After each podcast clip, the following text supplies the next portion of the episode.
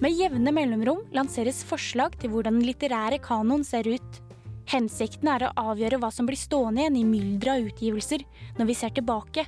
Noen navn er udiskutable, som Shakespeare, Ibsen og eller Astrid Lindgren. En plass i kanon signaliserer kvaliteter som overskrider tiden, og som dermed gjør forfatteren fortjent til en plass i evigheten. Men hvor udiskutabel er plassen, og hvor lenge varer en evighet? Lar det seg gjøre å danne en kanon i dag, når alle offentlige rom splittes i stadig mindre deloffentligheter? Er det fremdeles meningsfylt å definere en kanon? Og var det noen gang slik? Dette er en podkast fra barnebokkritikk.no. Jeg heter Tora Øgrim. I dag skal du få høre en paneldebatt om temaet. Men aller først skal Eirik Vassenden få si noen ord. Vassenden er professor i nordisk ved Universitetet i Bergen. For hva er egentlig kanon? Det er eh, et eh, Kommer altså av latinsk eh, kanon. Et rør, en målestokk. Kanskje også et eh, spansk rør til å eh, disiplinere. Eh, en standard for størrelse eller for kvalitet. Historisk er dette da et utvalg av tekster. Altså, å kanonisere er å løfte opp noen ting i religiøs forstand, altså da å gjøre noen til helgen. Eh, kanon er også en fortløpende prosess. Altså en diskusjon i en kultur om en kultur. Og, og det går an å se på Det er kanskje min eh, favorittmåte å tenke på kanon på. Det er en kulturs selvportrett på et gitt tidspunkt. Selvfølgelig da formulert av noen som har fått eller har tatt en autoritet da, til å, å eh, ta dette selvportrettet til å formulere eh, en kanon. I dette så ligger det at jeg ser noen prinsipielle utfordringer i eh, hele kanonproblematikken. På den ene siden så er det en grunnleggende konservativ eller konserverende eh, instans det ligger i saken. Kanon handler om fortiden på mange måter. Men det handler også om hvordan samtiden forvalter fortiden, og hvordan fortiden skal være med i fremtiden. Sånn sett så er kanon et viktig eh, pedagogisk og et viktig kulturelt verktøy eller størrelse. Men det er klart, en kultur som er for tett bundet til eller regulert av formaliserte kanoner og av sin kulturarv, eh, kan fort bli stående fast. Ja, Om konseptet kulturarv blir tolket for snevert, kan vi fort ende opp med et proteksjonistisk eiendomsforhold til fortiden. En kultur som helt, har et helt fritt forhold til sin historie, derimot, kan fort komme til å miste peilingen. Det blir litt som å studere i vei, studere et fag uten pensum. Man skjønner at det kan være givende om man er veldig flink og veldig heldig, eh, men det kan også bli eh, kaotisk og retningsløst. Men eh, kanskje litt viktigere hvorfor kanon? Hvorfor snakker vi om kanon, og hvorfor snakker vi om kanon akkurat nå? For min egen regning kan jeg da forsøke å, å, å gi noen svar, som vi forhåpentligvis kan diskutere. Altså, for det første kanskje at, eh, at, man kjenner på en følelse av en slags tiltagende kulturell fragmentering eller noen generasjonsforskjeller akkurat for øyeblikket. Ja, rekkefølgen og kanskje litt her. Men for det, uh, uh, for det andre, da. Kanon er en slags uomgjengelig størrelse som vi da alltid må, kontinuerlig må utspørre og granske. Et tredje forslag Unnskyld. Ja, OK. Det tredje forslaget. Femte forslaget Okay, det tredje forslaget da, er at vi også nå i 2021 eh, feirer eh, 15-årsjubileet for en læreplan i norskfaget uten noen manifestkanon. Den forrige eh, gjaldt til 20, 2006. For det fjerde en, kanskje en følelse av at litt lite har hendt på disse eh, 15 årene. At mye fortsetter som før, selv om vi har tatt bort kanon fra skolens norskfag. Eh, og at kanon likevel er en slags sånn usynlig hånd som styrer ganske mye av det som foregår. Til tross for at vi da har bestemt oss for at han ikke nødvendigvis skal være synlig.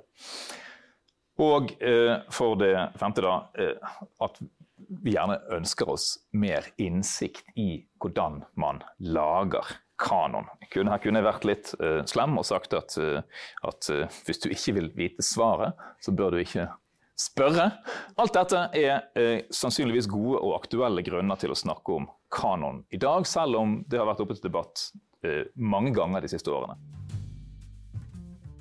Med den korte innledningen i bakhodet kan vi gi ordet videre til panelet.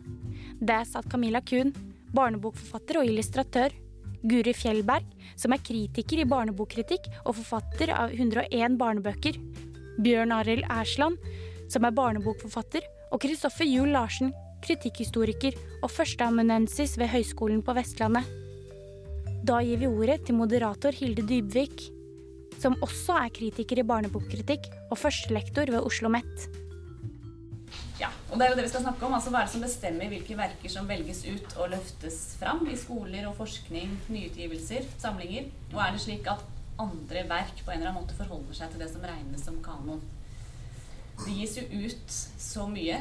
Det er et mylder eh, hvert år. Hvordan skal vi klare å navigere i det mylderet? Hvilke verk står ut når vi ser tilbake? Hvilke verk fra vår egen samtid blir løftet fram? Klarer vi å oppdage det? Klarer vi å se vår egen tid? Klarer vi å se hva det er som gjør at noe blir løftet fram? Og hvilken rolle har de ulike aktørene i den defineringen? Kritikerne, formidlerne, leserne selv, markedet. Ja, Det var en liten introduksjon. Jeg har lyst til å få dere alle i tale først. Så bare spørre dere hva, altså litt overordnet, hva skal vi med en barnelitterær kanon? Hva betyr kanon for deg? Jeg spør deg først, Kristoffer. Eh, takk. Og det var veldig nyttig å få Eirik sine eh, sitt store sveip eh, først her. Det minnet meg på mange ting jeg tror jeg har eh, tenkt og ga meg noen nye ideer. Et, en av de tingene som jeg hadde med meg inn her, um, det er jo det at når vi snakker om barnelitterær kanon, og som er viktig når vi ser opp mot den presentasjonen som, som Eirik har, er jo at en, ideen om en barnelitterær kanon er jo en slags motkanon i seg sjøl. Altså, den står jo som et, eh, i et visst konkurranseforhold allerede til den klassiske ideen om, om kanon. Altså, barnelitteraturen er ja, Harold Bloom skriver ikke om, eh, om barnelitterære forfattere, selv om en nok kan, finne elementer hos, hos flere eh, som, eh, som, kan passes, passes, inn der. Men idet vi begynner å snakke om sånne eh, egne sjanger eller målgruppekanoner, eh, så, så, er vi i ferd med å eh, ja, gjøre, gjøre kanonbegrepet mer eh, mangefasettert, mer eh, fragmentert, hvis vi skal eh, gå i en sånn retning. Dette tror jeg er eh, viktig å, å, tenke på. Og som er Altså, jeg kommer jo fra eh, det samme fagmiljøet som, som Eirik eh, gjør fra utdanningsmessig. Han jobber på universitetet nå, jeg jobber på, på høyskolen i lærer- og barnehagelærerutdanningen.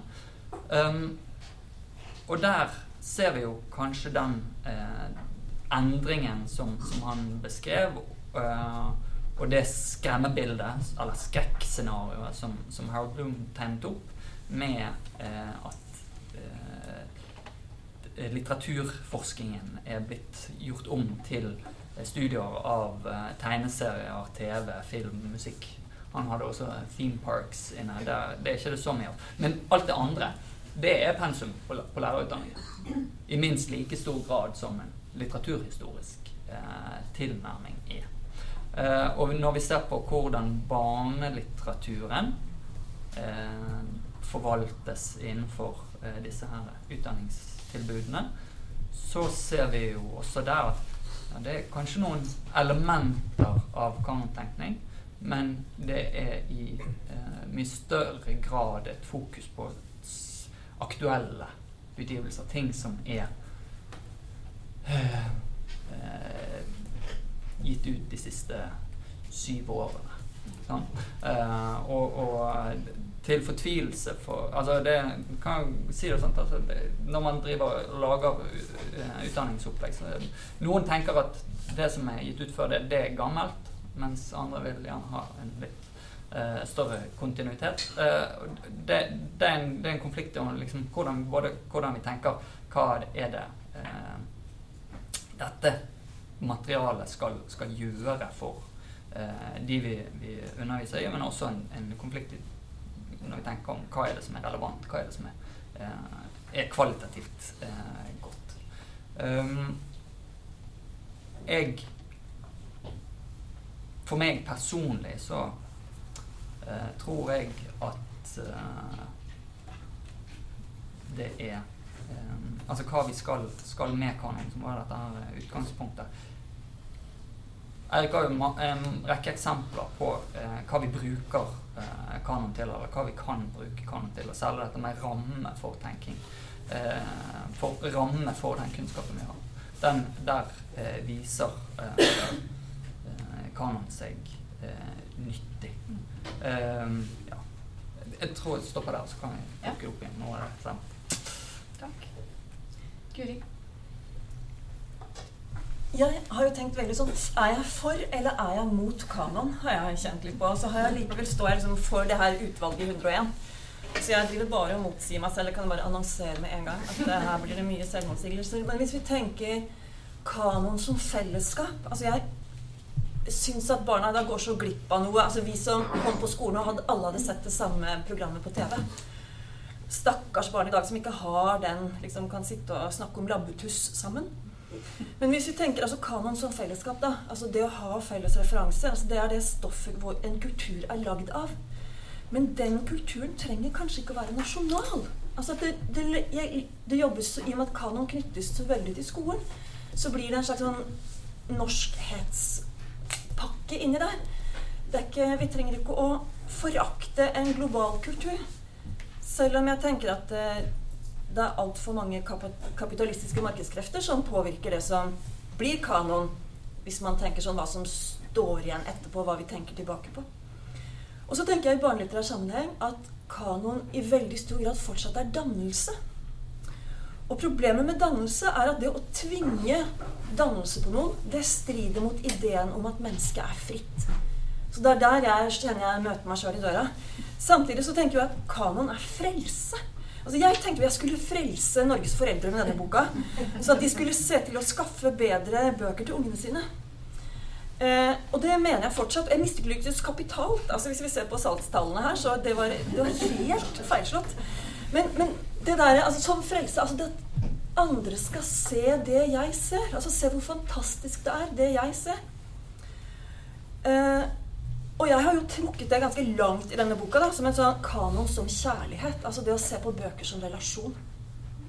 Og da igjen, da er vi jo ikke på et nasjonalt nivå nødvendigvis, men det at man kan klare å lage grupper som kan elske fram eh, en bok for evigheten. Da er, også, da, da er det noe med at denne kanonen for, for, barn, da, den er nødt til å kombinere det med eh, top to bottom med bottom up. Altså Barn kan ikke få lov å velge sin egen kanon, men vi kan ikke ignorere det barn selv blir veldig opptatt av. Så det å forene det, de to synene, det har vel vært den liksom, store utfordringen min. Mm.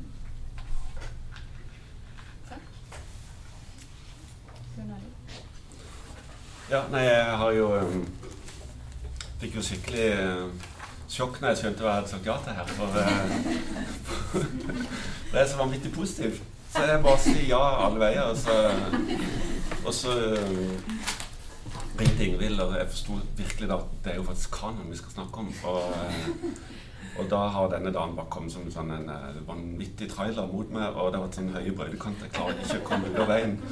Men, um, og da har jeg lurt på hvorfor er det sånn, da? Um, og jeg tror noe av grunnen er jo at uh, jeg som barnebokforfatter uh, står nede i, dette her eh, som Altså, jeg står på en måte i en helt annen situasjon enn som står som kritiker, da. Fordi at eh, jeg har egentlig ufattelig liten oversikt over hva som foregår. For jeg skal jo egentlig bare prøve til den neste boka.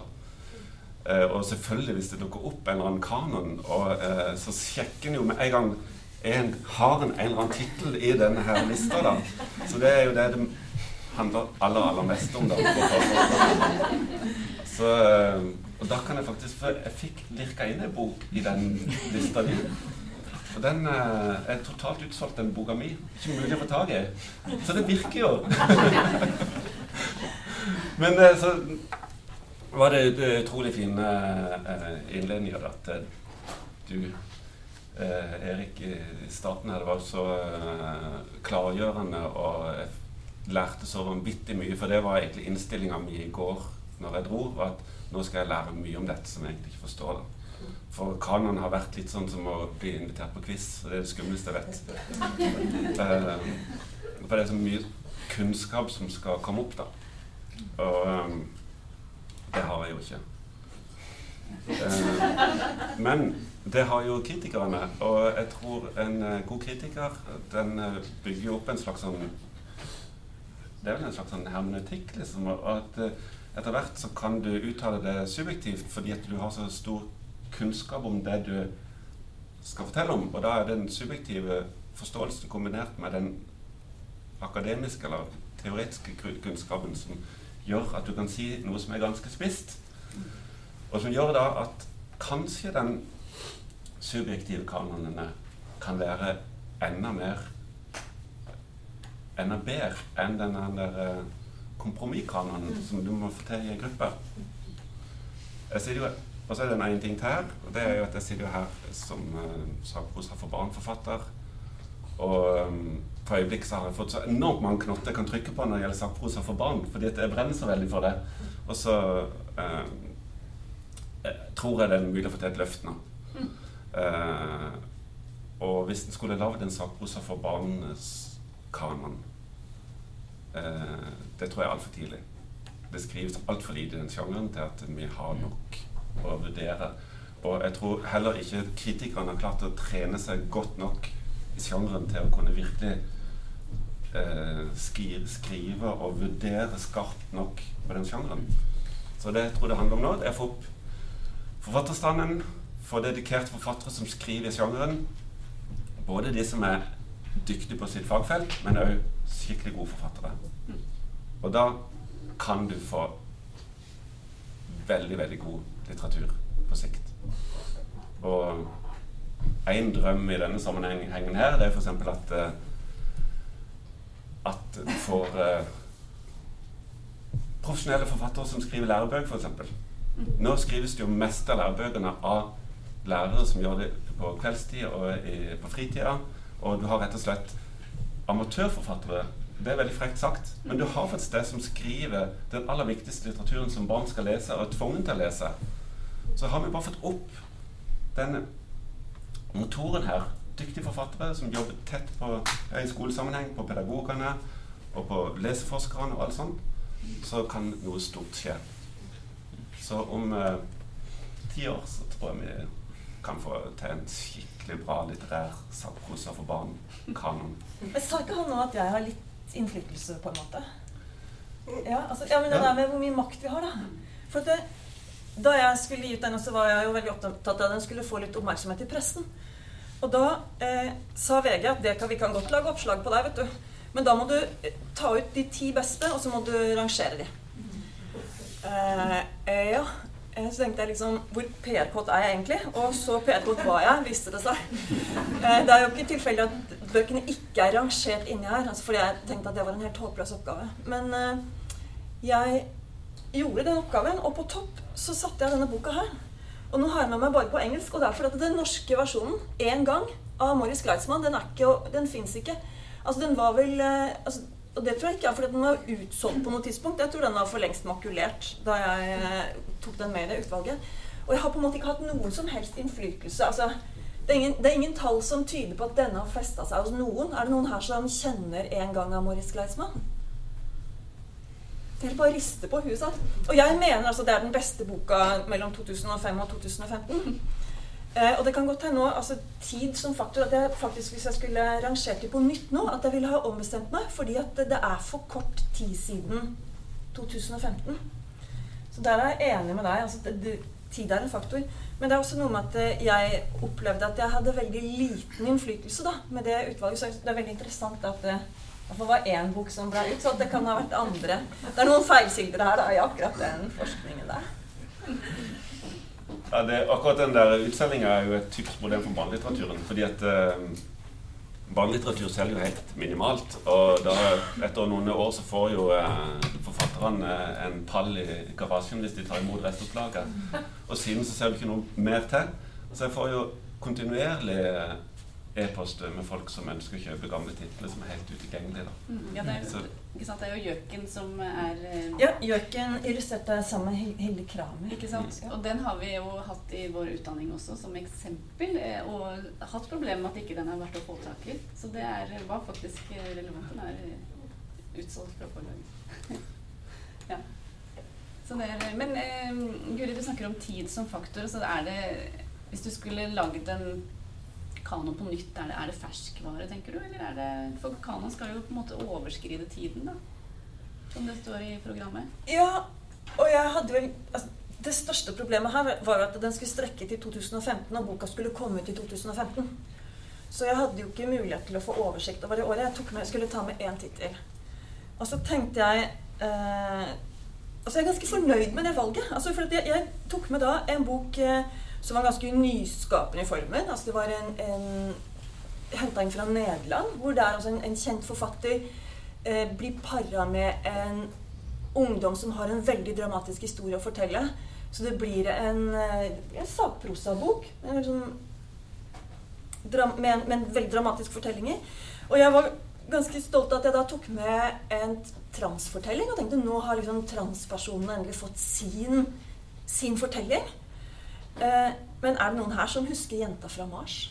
Mm. To.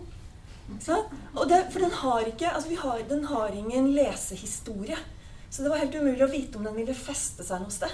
Og den, blir, den er ikke et referanseverk i de transmiljøene jeg kjenner til heller.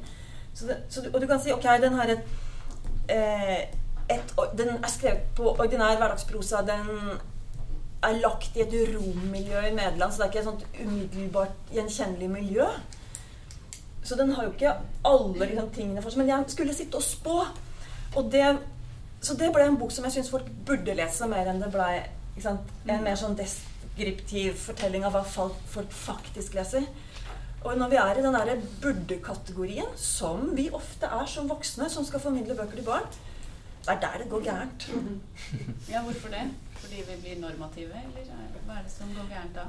Ja, men, ja, men altså, det er noe med den, den, tidsfaktoren, og da er det noe med hvor mye er det så, markedskrefter som bestemmer hva som fester seg hos folk, og hvor mye er det Altså, jeg har jo så lyst til, og derfor jeg snakker om det, altså kanon som frelse. altså Frelse oss fra markedskreftene. At, at, de må, at, det må finnes noen alternative veier inn der, da.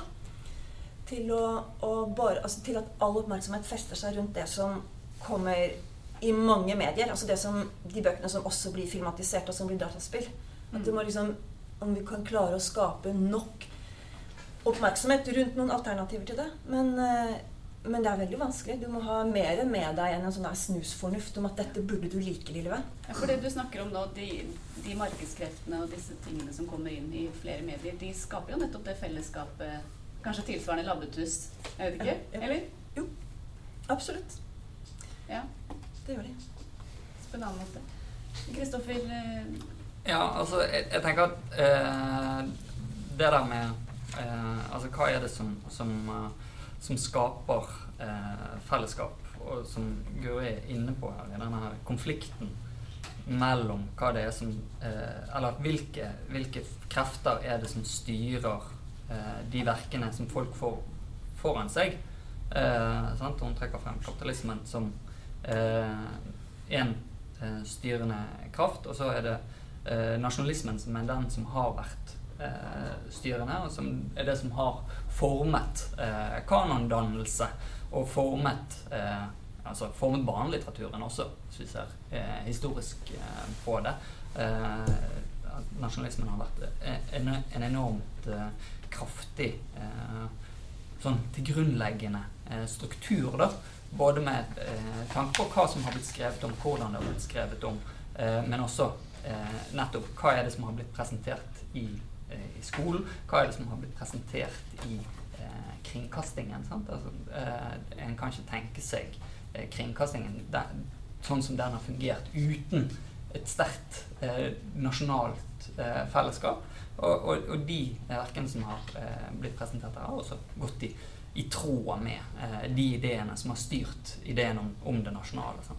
Så da er spørsmålet liksom Ok, hvis vi, vi eh, hvis, vi ser historisk på det, så er eh, nasjonalismen den eneste reelle eh, utfordreren til eh, den kapitalistiske eh, kraften i å, i å utbre kultur. Um, så har man andre noen sånn dannelsestanker og sånt som, som også eh, spiller en rolle der. Men, men eh, i, i, norsk sammenheng så tror jeg ikke vi kan, kan se det på, no, på, noen annen måte. Og da er jo spørsmålet ja, hvis vi ikke skal ha Hvis vi skal forsøke å frelse oss fra eh, eh den kapitalistiske og i dag algoritmestyrte eh, kulturstyringen, hva, hva, er det vi har å, å, å stille opp med mot den, hvis vi ikke skal gå til de nasjonale eh, ideene. Og Der eh, står jeg, eh, jeg litt i stuss. Jeg tror ikke jeg har noe godt, godt svar på det. Eh, jeg, jeg eh, Altså Terry Eagleton, den store eh, marxistiske litteraturforskeren, sa på et, et seminar at nasjonalismen det er den mest vellykkede ideologien vi har hatt. Den har liksom nedfelt seg og blitt den, den, den, har virket, på en måte. Så, og den kan være selvfølgelig negativ til det, men, men i sånn, den litteraturhistoriske sammenheng så tror jeg det må vi på en måte, anerkjenne. Og så er det jo dette med, med, med tiden. Altså, er den moderne kanoen La den seg danne. Eh, hvis vi tenker at det må ta to generasjoner før en forfatters eh, verdi lar seg vurdere, så nei. Det, det, det, svaret er gitt. Det, det, lar seg ikke. Men vi må stadig forsøke. Og, og, den typen eh, lister som, som, Guri her eh, snakker om, er jo et, et stadig sånn forsøk på å eh, eh, På å forme den prosessen. Um, og så eh, må vi tenke på det her men, men, det er en, en form for eh, altså, Sånn som all annen litteraturkritikk, så er det en form for eh, journalistikk. Og, og, journalistikk er jo eh, et sånt kjent opptak ordtak som sier at journalistikken er eh, den, første versjonen av historieskrivingen. Men det er også det vi bruker til å eh, pakke fisk i, liksom. Ja. så, så den, den, har enorm kraft, samtidig som den blir, også blir fort glemt. Og der er det en, en sånn det, å, det, å, leve i det der den, den, motsetningen der mellom å, å hele tiden forsøke å styre fremtidens forståelse av oss sjøl. Det er jo det vi gjør når vi holder på med disse her. Altså det er et, et, forsøk på å at de som kommer etter oss, skal oppfatte oss sånn som vi oppfatter oss. Men det, det handler om vårt eget selvbilde. Um, det Men, men når Harold Bloom, da mm. Han har lagd en kjempeberømt anmeldelse i Wall Street Journal 2001 hvor han skriver om Harry Potter Can 35 million book buyers be wrong? Yes. ja,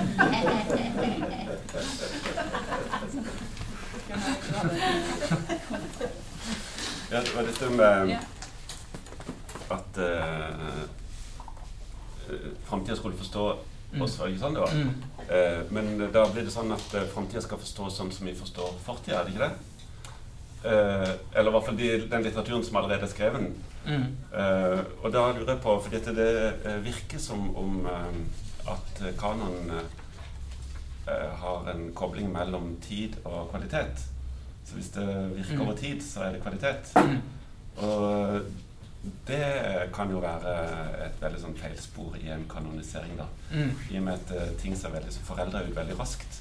Og spesielt da i min drømmesakprosa for framtida. Da, mm. da, der du kan da um, lage sakprosa for barn med veldig, veldig kort mm.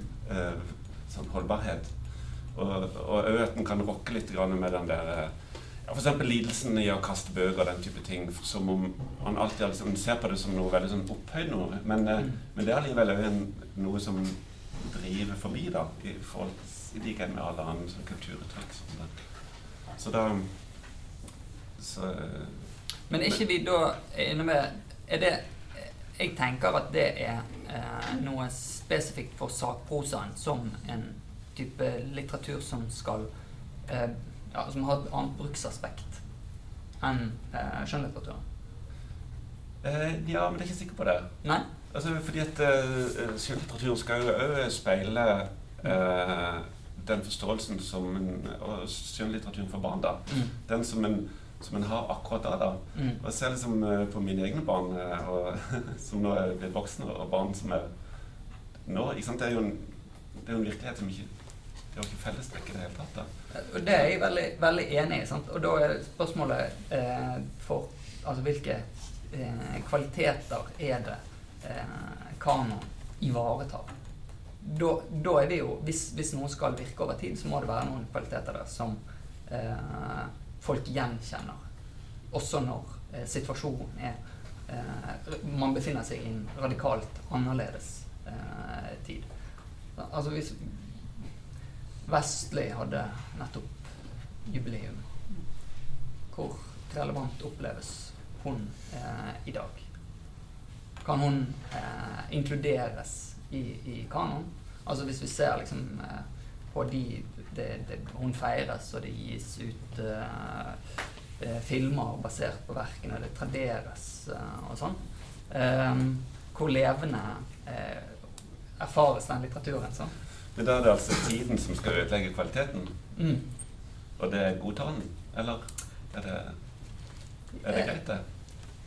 Spørsmålet er jo hva, hvilken kvalitet eh, er, det, er det da eh, bøkene har hatt. Har en kvalitet som Altså en får en erfaring av verket som svarer til eh, den opplevelsen en har av verden. Men når eh, samfunnet forandrer seg på den måten at en ikke lenger gjenkjenner det, så skulle det da tilsi at ja, den, den, den kvaliteten overlever ikke forandring.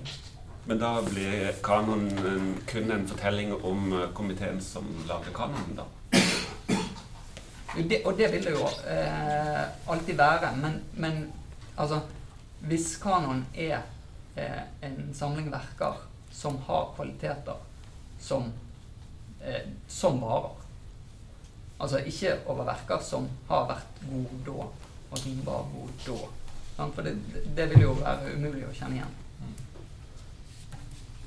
Men ja, hva Nei, jeg sier at her er, her er barnelitteraturen ekstra ekstra sårbar fordi at vi har med lesere å gjøre som har begrensa språklig erfaring. sånn at De er ikke så fleksible overfor måter vi skrev på for lenge Mm. siden. Og de har ikke de referansene. altså Jeg møter jo lesere som er sånn der Ja, men herregud, hvorfor sånn. Altså, Særlig disse krimmene, da. Kan de ikke bare ta opp mobilen og løse dette? Ja, sant? Trenger de å gå der og sulte? Eh, sånn at det, det er noe med hvilke referanser folk har, som gjør det mer sårbart. Men det betyr ikke at vi skal forkaste at barnebøker har betydd mye i sin tid. Mm. Sant? At vi må jo allikevel kunne respektere, og så må vi kanskje gjøre noen eh, språklige fornyelser og, før vi gir ut de bøkene på nytt. Altså at vi må tørre å gjøre noen grep med de for å gjøre de mer levende i dag. At det må være på barns premisser. Eh, men med det, altså at det Mm. kanskje skal være en annen parentes som forklarer noe, eller Mm. sant? sånne grep som oversettere for eksempel, da, i barnelitteraturen Mm. tillater seg i, på en helt annen måte enn den gjør for Mm. voksenlitteraturen. Nei, for det er klart at vi kan ikke altså, Hvis jeg òg skal kunne ha noe felles med barna i dag, med bøker som har vært store for meg jeg tenker Det Mm. være et fellesskap som jeg tenker har vært kjempefint. Men da er det klart at det er en utgiverjobb å gjøre de bøkene tilgjengelige for dagens barn. Mm. Kristoffer, du skrev til meg i forkant at Mm. du var opptatt av eh, hvordan, altså endringer i selve barndommen. Mm. Og Og det, var litt det vi, vi snakket om nå, Ja. at, at eh, eh, altså barnekulturen har forandret seg i, i så stor grad at det er vanskelig for eh, barn å, å kjenne igjen de livsvennene. Sant? Altså, de referansene Mm. eh, er ikke der for dem. Sant? Altså, eh, ungefellesskapet av barn i liksom eh, fire til, eh, til eh, ni-ti år, som vi finner i en rekke sånne eldre eh, bøker med, folk, med barn som går gatelangs og er eller er over jorder eller sånt. Altså, det er erfaringer som, eh, som mange barn ikke har fordi at bar, eh, hverdagen er så regulert. Og, eh, den typen fellesskap ikke finnes noe annet sted enn i digitale fellesskap. Mm. Ja, for du snakker jo om den Mm. økende medieliterasiteten. Ja. Du om, om?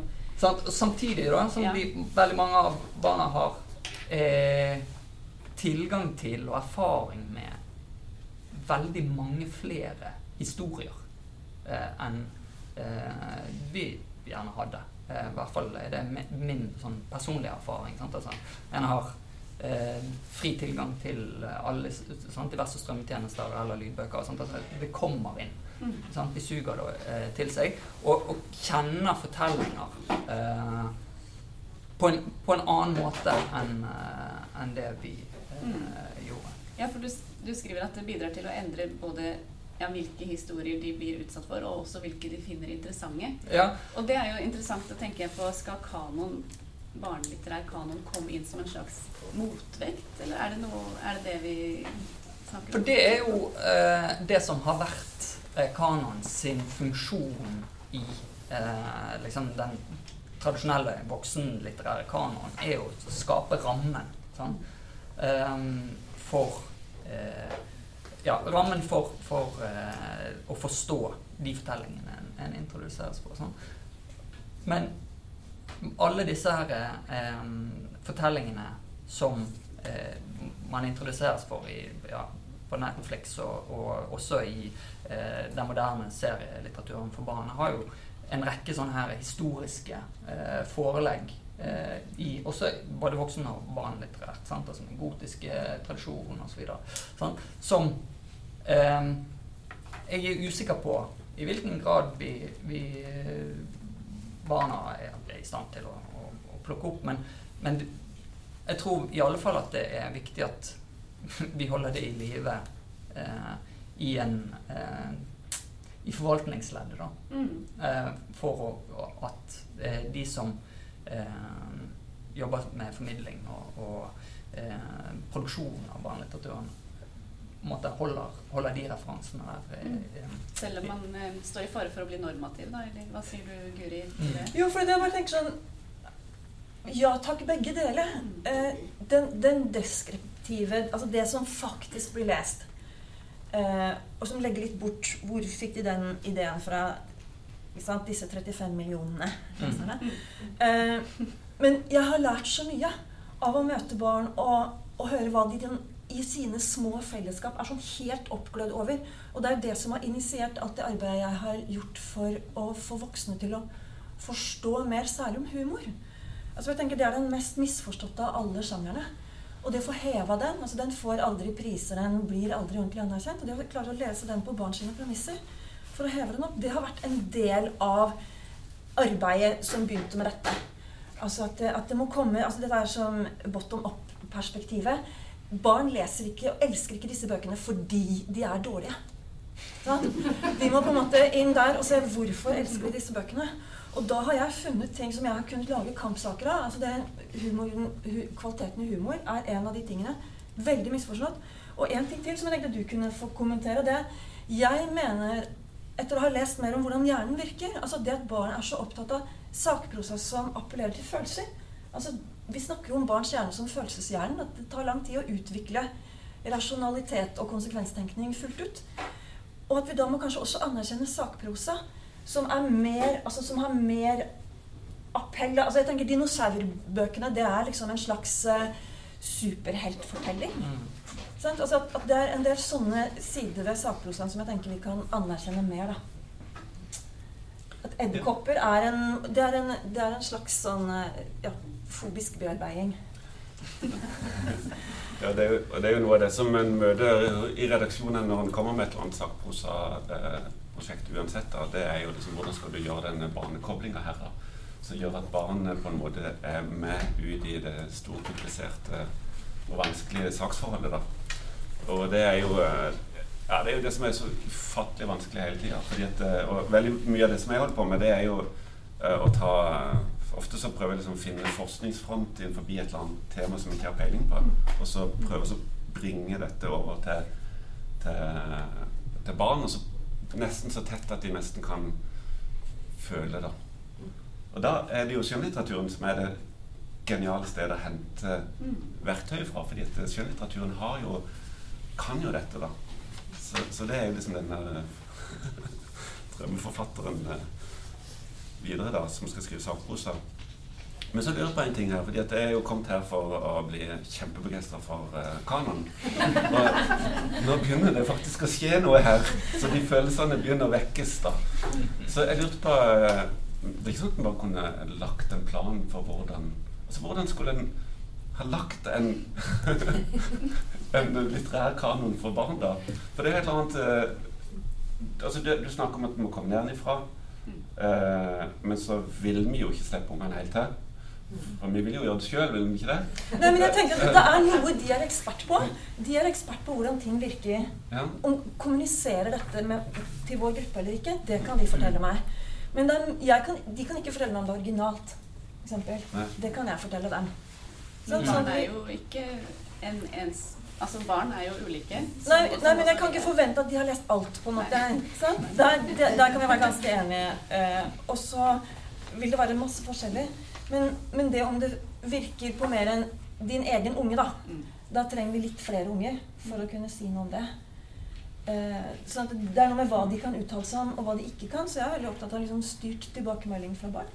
Da vil du gjøre en sånn vitenskapelig analyse først. Jeg har, hadde to hele barneskoler jeg, involvert i det prosjektet her, og masse testlesere. Ja. Det hadde jeg.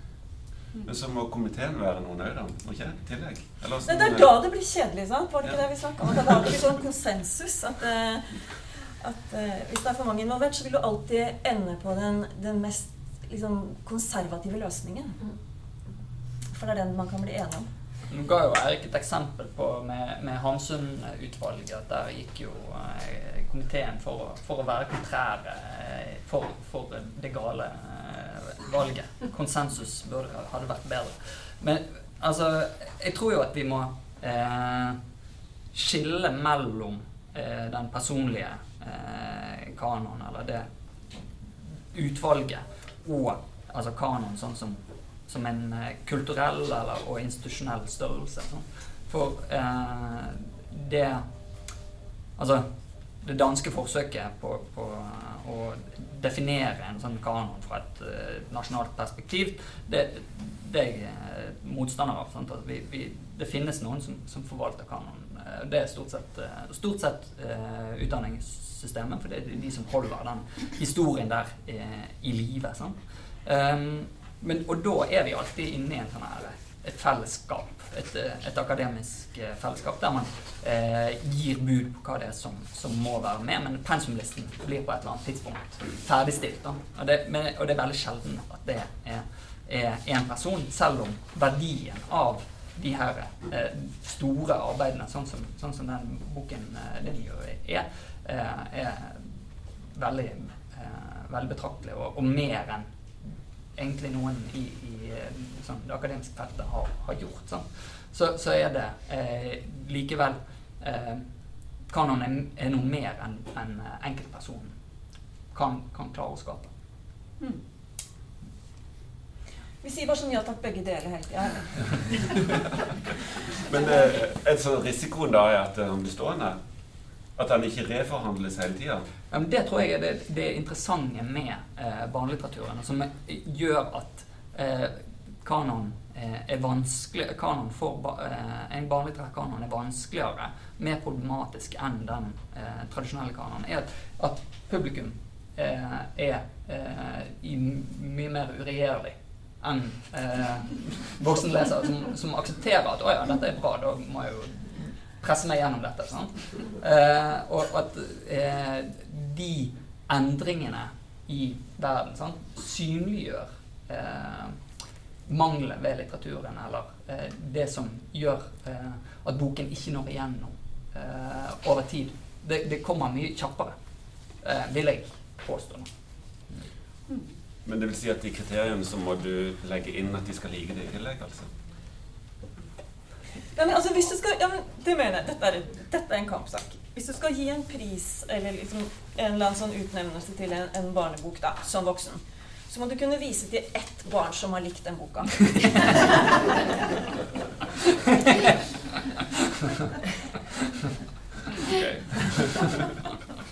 ja, det er ikke så mye å vinne. Men barn er jo også ulike. Det, altså, det er ikke sånn at en tiåring mener det samme som andre tiåringer, så de vil jo sikkert også ha, være uenige om så det er jo sånn sett vanskelig, å, og vanskelig å gå ut fra en, en, barneleser også, tenker jeg. Hvis ikke du har veldig mange, da. Mm. Eller? De er jo ikke Ja, for jeg tenker at, det, at Hvor smalt skal vi, skal vi våge å Altså, hvor smale bøker skal vi våge oss ut på? Fordi at hvis du får for mange bøker som er bare så forferdelige for deg at, altså, På hvilket tidspunkt slutter du å lese, da? Mm. På en måte, hvis du utsettes for såkalt gode opplevelser. Og nå er, det, nå er det jeg som er eksempelet igjen. Og skal ikke jeg snakke stygt om barn, nå kan vi snakke om meg. Jeg har ennå ikke klart å ta i Ibsen etter å ha blitt utsatt uh, for Ibsen på ungdomsskolen. Ibsen var ikke skrevet for 14-åringer. Og i hvert fall ikke sånne 14-åringer som meg. Tålte det veldig dårlig. uh, og det er jo noe med um, Ja, det, det, er noe med å Hvor vanskelig tilgjengelig altså, Det må ikke være for mye som er for vanskelig tilgjengelig. Fordi det handler om hele imaget til barnelitteraturen. Det du har hørt nå, er panelsamtalen fra årets kritikerseminar, som het Kanon. Kano.